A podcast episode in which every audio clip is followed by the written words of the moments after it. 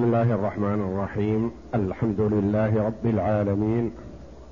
والصلاة والسلام على نبينا محمد وعلى آله وصحبه أجمعين. وبعد. بسم الله. بسم الله الرحمن الرحيم. قال المؤلف رحمه الله تعالى فصل وجنايته بإذن سيده كجنايته بغير إذنه. إلا أن يكون صبيا أو أعجميا لا يعلم تحريم الجناية فيكون السيد هو الجاني يتعلق به القصاص والدية كالمباشر لها. قول المؤلف رحمه الله تعالى فصل وجنايته يعني جناية الرهن.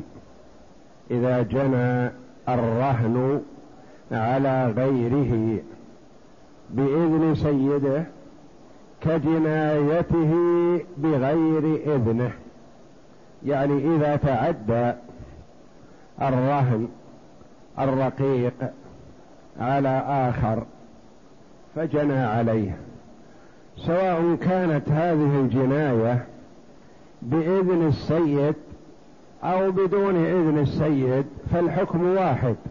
تتعلق الجناية بالرقيق الذي هو الرهن.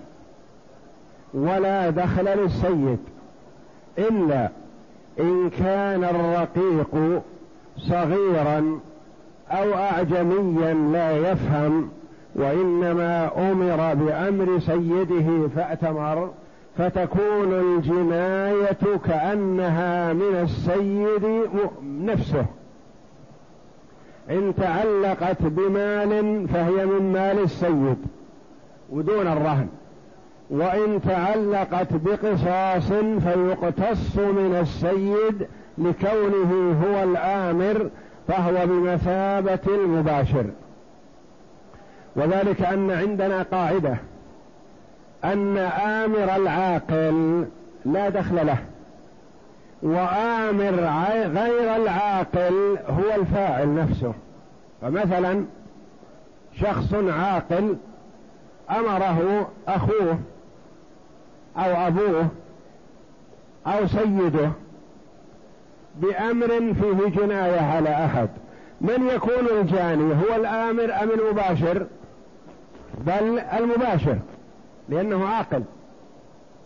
لكن إذا كان المأمور سفيه أو صغير أو لا يدرك ولا يعرف فالجاني عبارة هو الآمر والقصاص عليه وما لزم من مال فمن ماله. لأنه ما يصح للعاقل الكبير أن يقول أنا مأمور. أنا مأمور أقتل فقتلت. نقول لا.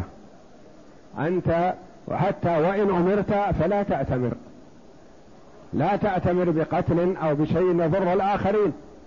لكن الصغير والمجنون والسفيه ومن لا يدرك هذا المسؤولية على آمره لأنه هو غير مكلف أو غير مدرك. فكذلك إذا كان الرقيق المعتدي رهنا. فإن كان عاقلا كبيرا فهو المسؤول عن هذه الجناية وتكون الجناية في رقبته. أما إذا كان سفيها أو صغيرا أو مجنونا أو غير ذلك ممن ليس بمكلف فالجاني هو الآمر. ويتعلق القصاص برقبة الآمر إن كان قصاص أو مال فبمال الآمر دون الرهن. نعم. ولا يباع العبد فيها. ولا يباع العبد فيها يعني في الجناية التي أمره فيها سيده حال كون المأمور غير عاقل. لأنها تكون في مال السيد لا في رقبة العبد الجاني. نعم. وقيل يباع إذا كان مؤسرا لأنه باشر الجناية. وقيل إذا كان السيد معسر قلنا الجناية في مال السيد السيد معسر هل يضيع حق المجني عليه؟ لا بل يكون في رقبة الجاني لأنه باشر. له يد له دخل في الموضوع. نعم. والأول أصح. والأول أصح لأن الآمر للسفيه ومن غير مكلف هو الفاعل في الحقيقة لأنه لولا أمره ما حصل هذا الشيء. نعم. لأن العبد آلة ولو تعلقت به الجناية. لأن العبد غير المكلف بمثابة الآلة بمثابة السكين بمثابة البندقية. يعني البندقية صوبتها لشخص فأصابته. تقول المصي الجانية هي البندقية. فكذلك هذا غير المكلف بمثابة آلة. وجهته فتوجه. لو قلت له قبل رأس هذا قبل رأسه. لو قلت له اضربه ضربه.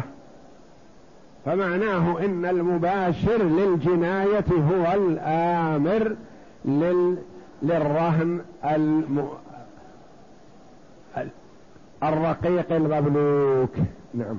ولو تعلقت به الجناية بيع فيها وإن كان سيده مؤسرا. والأول أصح لأن العبد آلة ولو تعلقت به الجناية. يعني ولو كان مباشر للجناية فهو مباشر لها. مثل مباشرة الآلة. نعم. فصل.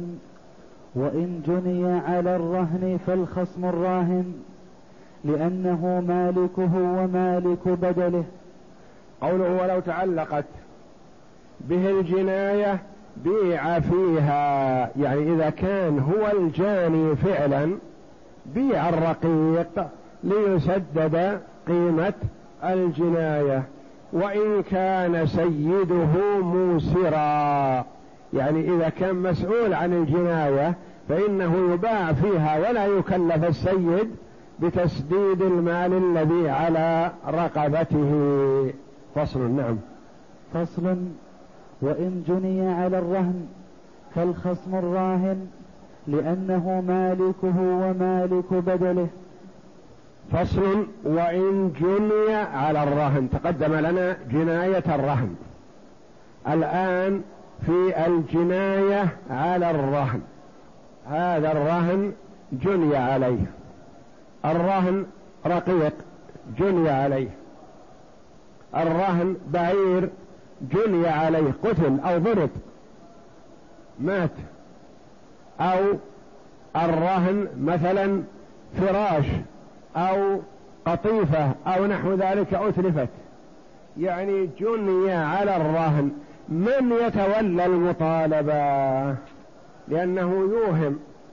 قد يقول قائل إذا جني على الرهن فالمطالب هو المرتهن لأنه قابض له في صالح نفسه. وقد يقول قائل المطالب هو الراهن لأنه مالكه. فيقول المؤلف رحمه الله وإن جني على الرهن فالخصم الراهن لأن الراهن هو المالك والمرتهن قبضه لأجل سداد دينه فقط. فقد يسدد الدين من غيره ويعود الرهن إلى مالكه. فالخصم هو الراهن لأنه مالكه. وملك الرهن لمن؟ للراهن. ومالك بدله. يعني لو أتلف من الذي يطالب بالبدل ويكون مالكا للبدل؟ هو الراهن كذلك. نعم. فإن كانت الجناية موجبة للقصاص فله أن يقتص أو يعفو. فإن كانت الجناية موجبة للقصاص شخص تعدى على الرقيق المرهون فقتله عمدا عدوانا. سيده له حق المطالبة له حق المطالبة بالقصاص وله حق المطالبة بال بالمال بالعوض. إذا طالب بالقصاص فالمرتهن يضيع حقه. ولو طالب بالمال لصار المال رهنا بدله. المرتهن عنده رقيق راهن بمائة ألف ريال مثلا. جاء شخص وقتله. قام الراهن وقال أريد حقي. يقول له القاضي أنت بالخيار بين أمرين. إن شئت أن تقتص من الجاني وإن شئت أن تطالب بالمال من الجاني. فلك الخيار بين أمرين. هذا المخير من هو المالك الراهن. يأتي المرتهن ويقول يا أخي اطلب المال. لأنه إذا طلب المال يكون مصلحته. يكون المال رهنا بدله يقول لا أنا أريد أن أشفي غيظي. هذا الذي تعدى على رقيقي فقتله أنا أريد أن أقتله. إذا طلب القصاص فمن الخاسر منهما؟ المرتهن. ما صار بيده شيء رهنا عن دينه. الراهن شفى غيظه وأخذ بثأره يقول فله أن يقتص وله أن يعفو. الراهن يقول من عفا وأصلح فأجره على الله. أنا أريد أن أعفو. يأتي إليه المرتهن ويقول تعفو على حساب من؟ تعفو على حسابي. أنا المرتهن. خذ المال ليكون رهنا. بدل الرقيق الذي كان رهنا عندي. يقول المؤلف رحمه الله تعالى فله أن يقتص أو يعفو فإن اقتص ففيه وجهان.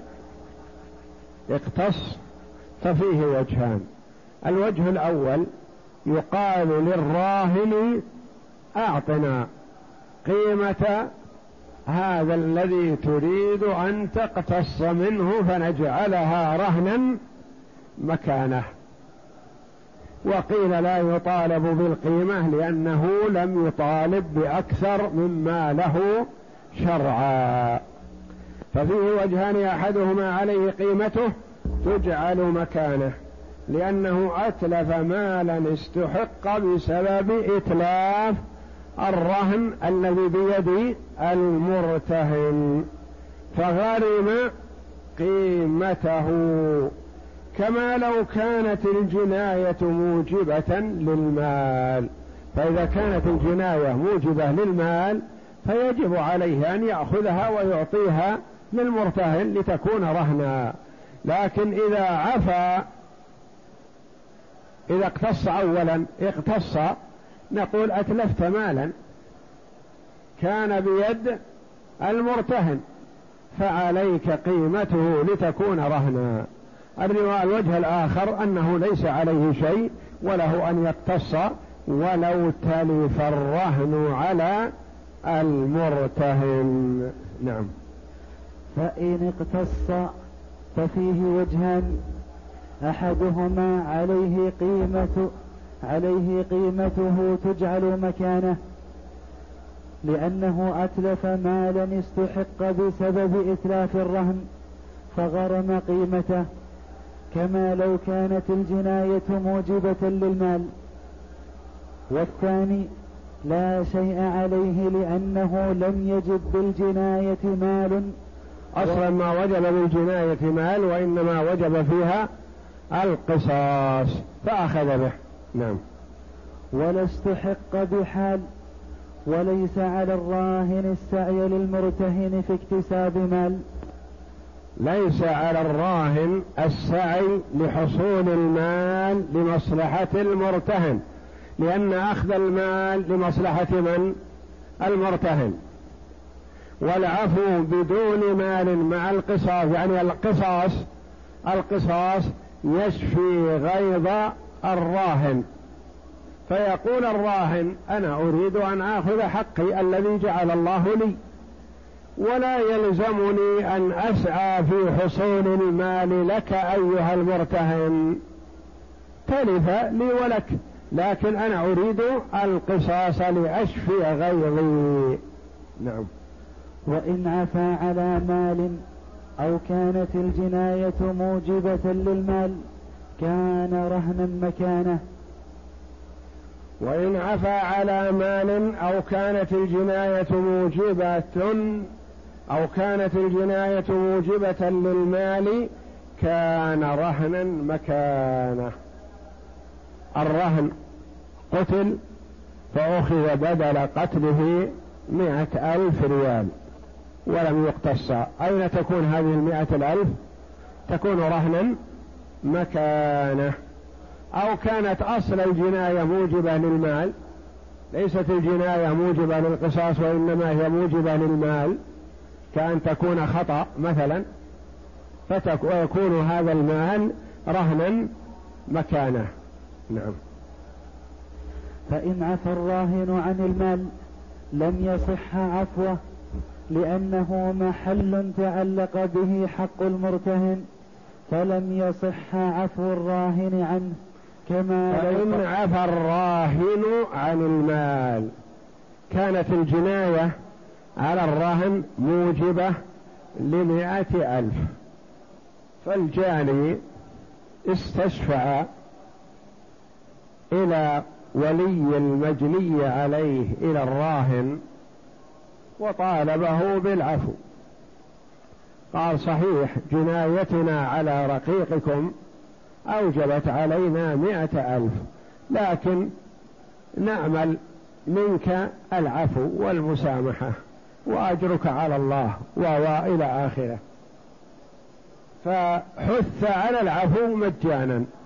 فقال مثلا أشهد من حضر بأني عفوت عن المال الذي وجب عليكم لقتل رقيقكم لرقيقي.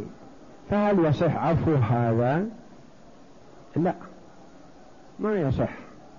لأنه عفى عن مال تعلق به حق من؟ المرتهن. المرتهن ذهب الرهن الذي بيده ولزم أن يكون بيده القيمة مئة ألف. فجاء الراهن وقال أنا عفوت عن مئة الألف. نقول له ما تملك؟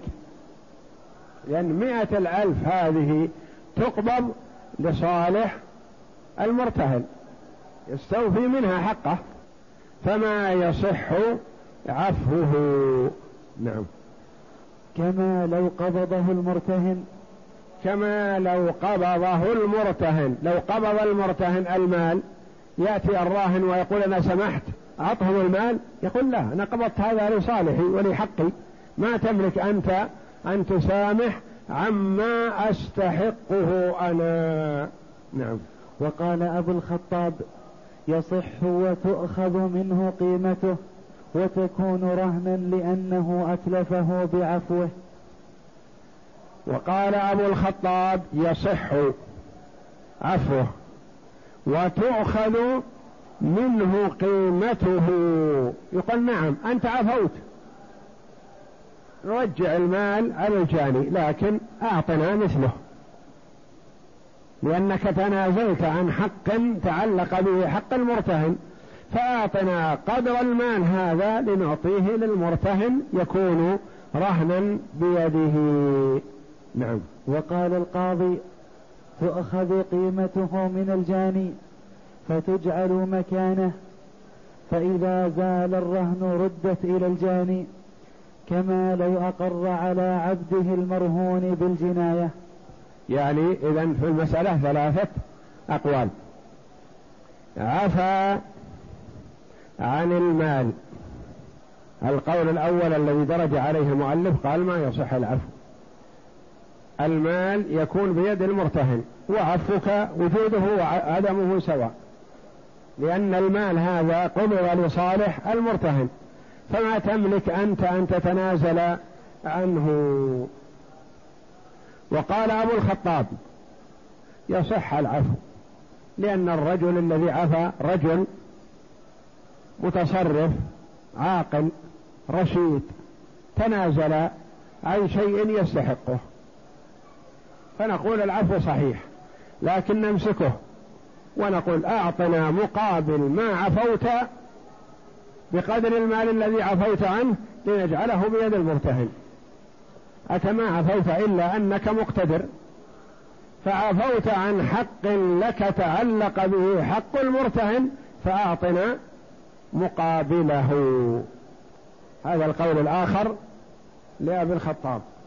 القول الثالث للقاضي يقول نعم العفو اعتبره صحيح. ولكن ناخذ القيمة ونضعها عند المرتهن. فإذا استوفى المرتهن حقه من المدين أخذنا القيمة هذه ورددناها على من؟ على الجاني لأنه معفو عنه. لكن يكون عفو مؤجل. إذا عفى الراهن عن الجاني والعفو هذا عفو عن مال. المؤلف يقول لا يصح عفوه. أبو الخطاب يقول يصح عفوه وتؤخذ قيمته وتجعل رهنا مكانه. القاضي أبو يعلى يقول يصح عفوه ويؤخذ المال ويجعل عند المرتهن. فإذا استوفى المرتهن حقه من المدين أخذنا الرهن هذا ورددناه على الجاني لأنه معفو عنه. نعم. وإن عفى الراهن عن الجناية الموجبة للقصاص إلى غير المال. كما لو أقر على عبده المرهون بالجناية. هذا مثال مثله المؤلف قال هذا مثل هذا وش معنى كيف أقر على عبده المرهون بالجناية؟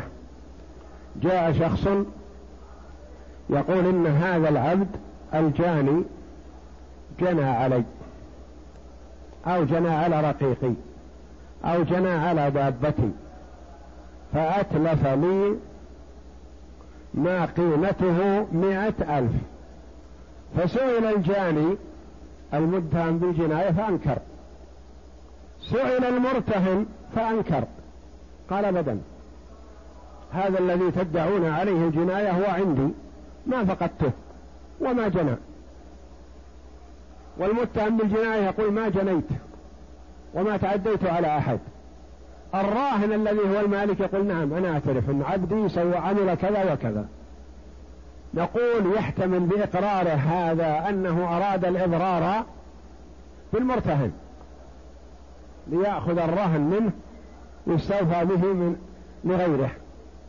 فنقول لا نواخذك بإقرارك ولا نضر بإقرارك الآخرين. وهذا كثير في الشريعة الإسلامية. قد يقر المرء على نفسه بشيء فيه مضرة للآخرين. فنقول نواخذك بإقرارك على نفسك. ولا نقبل إقرارك على زيد أو عمرو. كثير هذا. مثلا يأتي الداعم فيقول أنا أطالب والدكم بمائة ألف. الأولاد عشرة. خمسة منهم اعترفوا. وخمسة منهم أنكروا. المعترف نواخذه بإقراره. نخصم من حقه بقسطه للدائن. وهل نقبل إقراره على إخوته؟ لا. حتى يقروا أو يحضر شهود. يشهدون بهذا. فالمرء إذا أقر بشيء على نفسه وعلى غيره وخذ بإقراره على نفسه ولا يؤاخذ ولا يعتبر إقراره على غيره. قال الرجل الفاسق أنا جنيت بهذه المرأة فأقيموا علي وعليها الحد. نقول أعطونا المرأة نقيم عليها الحد بإقرار هذا الرجل لا هو أقر على نفسه أربع مرات. نقيم عليه الحد؟ نعم نقيم عليه الحد. يقول كلامي واحد. أنا أقول زنيت بهذه المرأة. نقول ما يهمنا. أنت اعترفت على نفسك بالزنا فنواخذك. اعترفت على غيرك؟ لا. ما نواخذك؟ ولا نقبل شهادتك حتى ولا نعتبرها شهادة لأنك فاسق. وهذا كثير في الشريعة الإسلامية. أن يقر المرء بشيء على نفسه وعلى غيره. فنواخذه بما أقر به على نفسه. ولا نقبل منه الإقرار على الغير. كما لو أقر على عبده المرهون بالجناية. أقر على عبده المرهون بالجناية. نأخذ العبد المرهون حال الرهن بموجب إقرار سيده؟ لا. نقول هو رهن الآن. حتى يستوفي المرتهن حقه. استوفى المرتهن حقه وأخذنا السيد بإقراره فقلنا عليك قيمة هذه الجناية أو نبيع الرقيق ونستوفي. يقول أنا أقرأت حينما كان مرتهن. الآن هو في بيدي. وما أعرف أنه جنى. نقول لا نواخذك بإقرارك السابق. نعم. وإن عفى الراهن عن الجناية الموجبة للقصاص إلى غير المال إلى غير مال انبنى على موجب العمد. فإن قلنا أحد شيئين فهو كالعفو عن المال وإن قلنا القصاص فهو كالاقتصاص فيه فهو كالاقتصاص فيه وجهان. انتبه هذه مهمة وترتبط بغيرها. وإن عفى الراهن الذي هو المالك عن الجناية الموجبة للقصاص. على إلى غير مال جناية موجبة للقصاص عفا على مال. هذا عفو صحيح. ولا ضرر ولا ضرر. يؤخذ المال ويكون رهنا مكانه لكن عفا على غير مال. قال أنا سمحت عمن قتل رقيقي. والرقيق مرتهن. رهن. قال أنا سمحت. ولم يطالب بمال. فنقول هذا مبني على الخلاف. في هل موجب العمد القصاص ويجوز الانتقال إلى مال؟ أم الموجب للعمد أحد أمرين القصاص أو المال؟ كما سيأتينا في باب الجنايات الخلاف ما هو الموجب للعمد العدوان؟ قال بعض الفقهاء الموجب للعمد القصاص فقط ويجوز الانتقال إلى المال. قال آخرون لا الموجب للعمد هو أحد أمرين القصاص من حقه أن يطلب المال ومن حقه أن يطلب القصاص. وهذا الكلام ينبني على شيء آخر. انتبه. رجل تعمد قتل آخر. ولي الدم. ولي الدم. ما الذي له؟ هل له القصاص فقط ويجوز العفو على مال؟ أم له القصاص أو له المال؟ إن شاء. قد يقول قائل ما الفرق بينهما؟ أقول بينهما فرق عظيم. رجل القاتل مثلا هذا. جاء ولي الدم وقال أريد الدية. دية العمد العدوان. لا أريد زيادة عليها. مئة وعشرة آلاف ريال.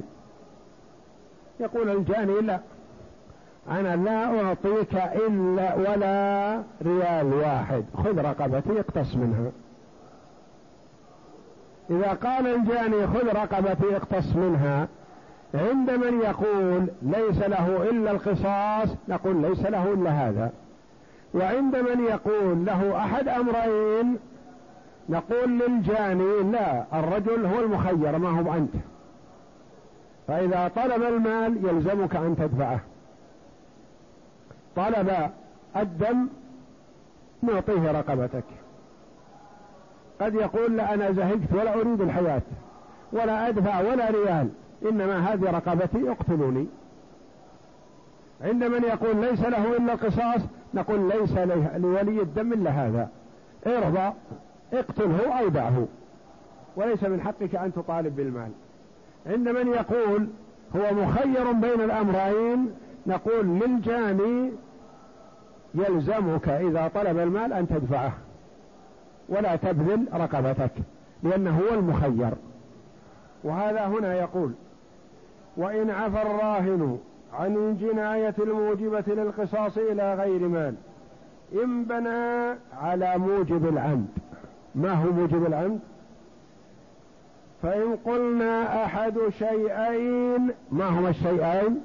الشيئان هما القصاص والمال. فهو كالعفو عن المال يعني ما يصح أن يعفو عنه عن المال بل إذا عفى عن القصاص عليه واجب أن يأخذ المال لأن المال تعلق بحق غيره. وإن قلنا موجب العمد هو القصاص فقط فليس له إلا هو. إما أن ويصح عفوه حينئذ لأنه ليس له إلا القصاص وعفى عنه. وإن قلنا القصاص فهو كالاقتصاص فيه وجهان كالسابق أنه إن اقتص هل يلزم بدفع القيمة لتكون رهنا أو لا يلزم بشيء لأنه لم يطالب بأكثر من حقه شرعا؟ والله أعلم وصلى الله وسلم وبارك على عبده ورسوله نبينا محمد وعلى آله وصحبه أجمعين.